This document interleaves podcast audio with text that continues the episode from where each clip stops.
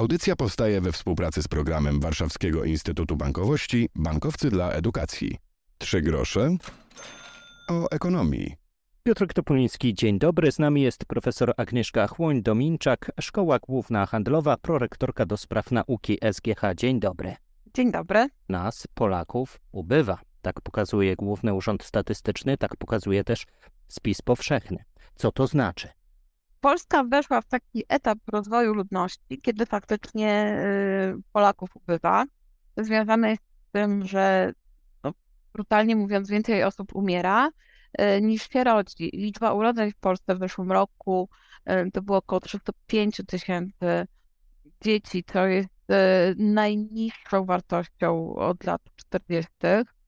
Co związane jest z tym, że tak naprawdę dzieci już dzisiaj mają pokolenia również urodzone w niżu demograficznym.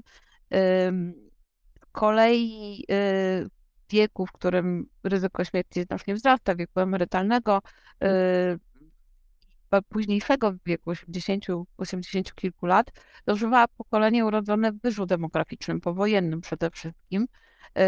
Więc y, stąd takie kurczenie się ludności. I prognozy demograficzne też pokazują, że no to jest niestety sytuacja, z którą będziemy mieli do czynienia y, także w przyszłości, czyli y, ludność Polski z przyczyn właśnie struktury demograficznej, mm, poziomu dzietności y, będzie się stopniowo zmniejszać. Ja jeszcze o to dopytam, bo były pomysły, by przekonywać Polaków do tego, by zakładali rodziny, by Polki rodziły dzieci.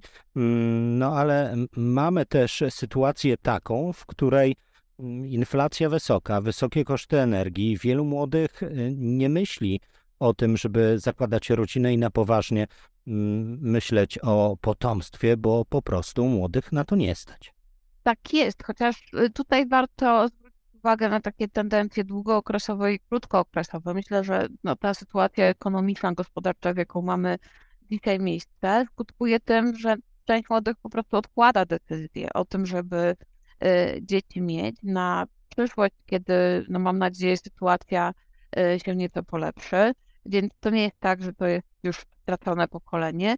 Niemniej jednak też sporo osób nie decyduje się na posiadanie dzieci lub ma tych dzieci trochę mniej niż, niż chciałoby, więc to też skutkuje właśnie tą niską dzietnością. Y, jeżeli popatrzymy na takie wskaźniki, które pokazują, jak wygląda y, liczba urodzeń w relacji do y, matek, potencjalnych matek, tak byśmy to nazywali, to jest taki wskaźnik dzietności, on pokazuje, że tak naprawdę tych dzieci relatywnie do liczby kobiet rodzi się podobnie w Polsce od, od e, no już ładnych kilkunastu, jak nie kilkudziesięciu lat, więc ta, ta niska dzietność jest czymś, co obserwujemy od bardzo dawna i faktycznie kolejne rządy próbowały robić różne rzeczy, żeby zachęcić Polki i Polaków do posiadania dzieci. To, no jak widać, niespecjalnie przełożyło się na, na znacznie wyższą dzietność. Także y, myślę, że trzeba nie ustawać w wysiłkach, żeby przede wszystkim dowiedzieć się, co jest przyczyną tego, że dzieci się nie rodzą i próbę odpowiedzi na tę przyczynę. To niekoniecznie są tylko, czy niekoniecznie są tylko świadczenia rodzinne, ale na przykład y, także dostęp do mieszkań, y, Tutaj mamy bardzo duże problemy z uruchomieniem takich programów mieszkaniowych, które faktycznie były bardzo efektywne w tym zakresie. E, dostęp do e, opieki nad dziećmi, szczególnie małymi dziećmi. Tutaj też e, mhm. bardzo mało dzieci w wieku do trzech lat jest różnego rodzaju, ma możliwość uczestniczenia czy w opiece żłobkowej, czy, czy w klubach dziecięcych, czy, czy niani takiej, która jest finansowanej E, ze środków samorządowych, więc widać, że, że tych problemów trochę jest. Myślę, że warto młodych zapytać, co jest tym głównym problemem, czy jakie są bariery i próbować odpowiednio dostosować politykę, bo e, dla utrzymania e, powiedzmy relatywnie pozytywnej jeszcze sytuacji demograficznej musi i odpowiedniej stabilności tak naprawdę polityk publicznych w przyszłości, no powinniśmy podejmować działania, które z jednej strony zachęcają do tego, żeby dzieci się rodziły, z drugiej strony też dostosowywały wiem, transfery socjalne także do zmieniającej się struktury wieku ludności. Tymczasem spójrzmy na to od takiej no, stricte ekonomicznej strony, to znaczy mniej Polaków czy osób w wieku produkcyjnym na naszym rynku, to problemy pracodawców, to mniej pracowników. Tak też może być.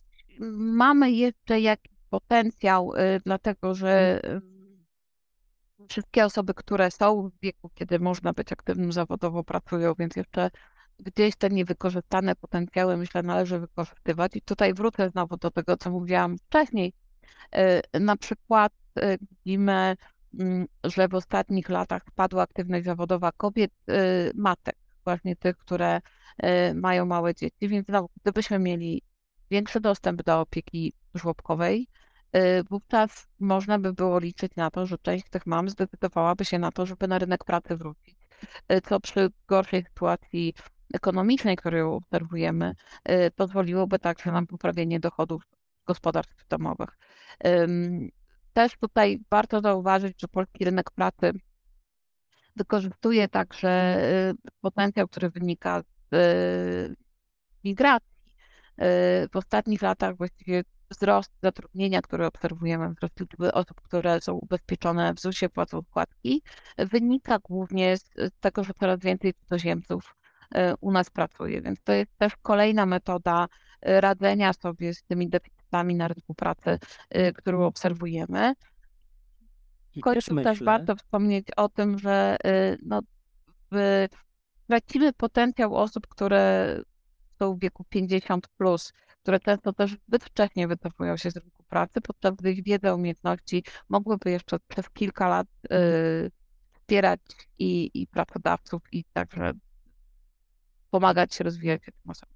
Też mi się wydaje, że mm, osoby już odchodzące na emeryturę, a tych będzie no coraz więcej, bo to będzie pokolenie moich rodziców, naszych rodziców, no będzie musiało być przez kogoś zastąpione, co może być też szansą dla tych nas na rynku pracy pozostających, byśmy próbowali chociaż wypełnić tę lukę po naszych e, rodzicach, którzy zasługują na odpoczynek. Ale e, chodzi mi o to, że po prostu na rynku pracy będziemy chyba jeszcze utrzymywali tę sytuację braku pracowników i potrzeby pracowników u pracodawców. I tak i nie. No, to przede wszystkim warto zwrócić uwagę, że to nie jest tak, że młodzi do końca wypełniają te miejsca pracy, które opuszczają osoby starsze. To jest e, takie lamp of labor fallacy, które często gdzieś e, w różnego rodzaju dyskusjach było wskazywane.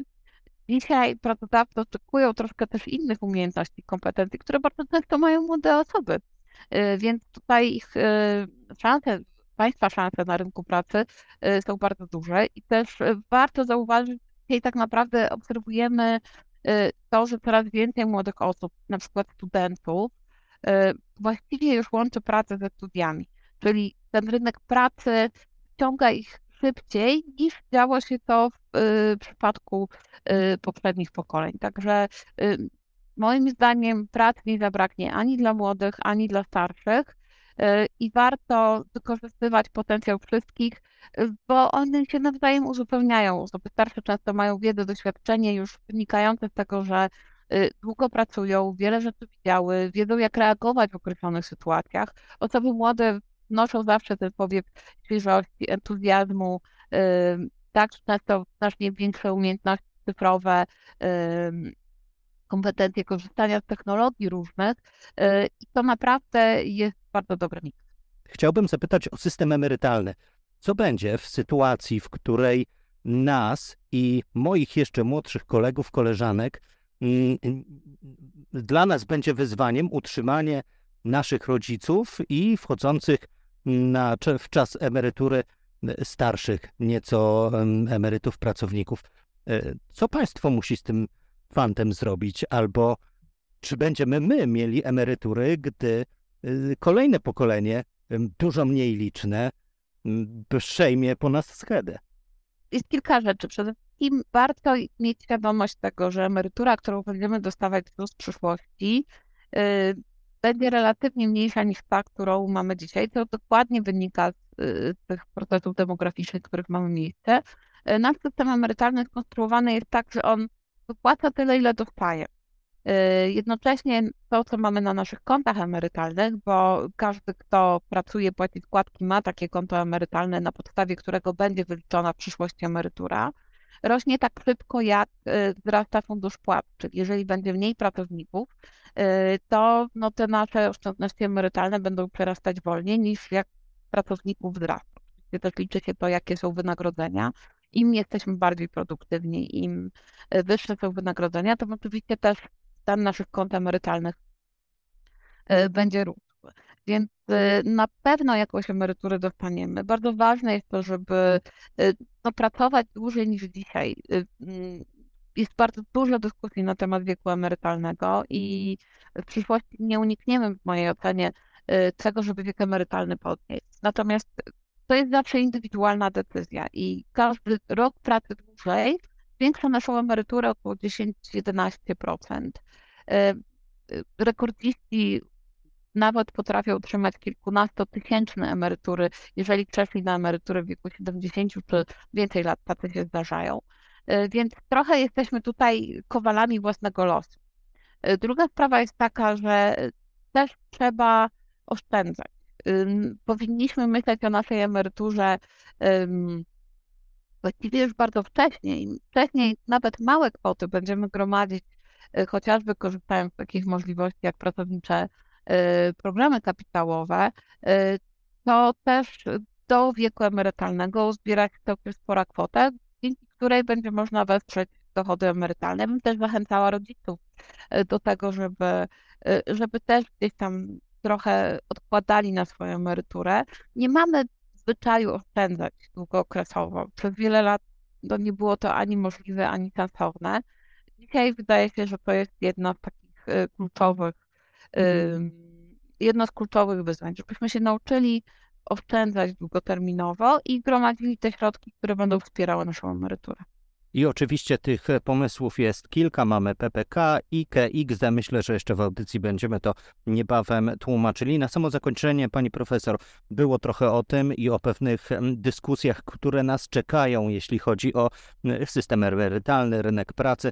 Mam wrażenie, że to są dyskusje, które m, potrzebują też pewnego politycznego, może nie porozumienia, ale chęci dyskusji, nie tylko w kontekście jednej czy dwóch kadencji, bo to są 4 lata, 8 lat, a właśnie przyszłości, która będzie nas dotyczyła choćby za lat 25, 30, 40.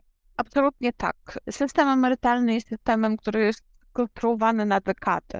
Jeżeli się spojrzy na przykład na to, jak wyglądają prognozy ZUS-u, y, te są robione nawet do 2100 roku, dlatego że w takiej perspektywie dopiero spojrzenia na to, co się będzie działo kilkoma pokoleniami w przyszłość, y, oczywiście założeniach bardzo licznych, które są robione, można zobaczyć, co w systemie emerytalnym się dzieje. Ja uważam, że to, jak jest konstruowany system emerytalny, powinno być właśnie przedmiotem takiego konsensusu. On był w 1999 roku, kiedy była wdrażana reforma emerytalna.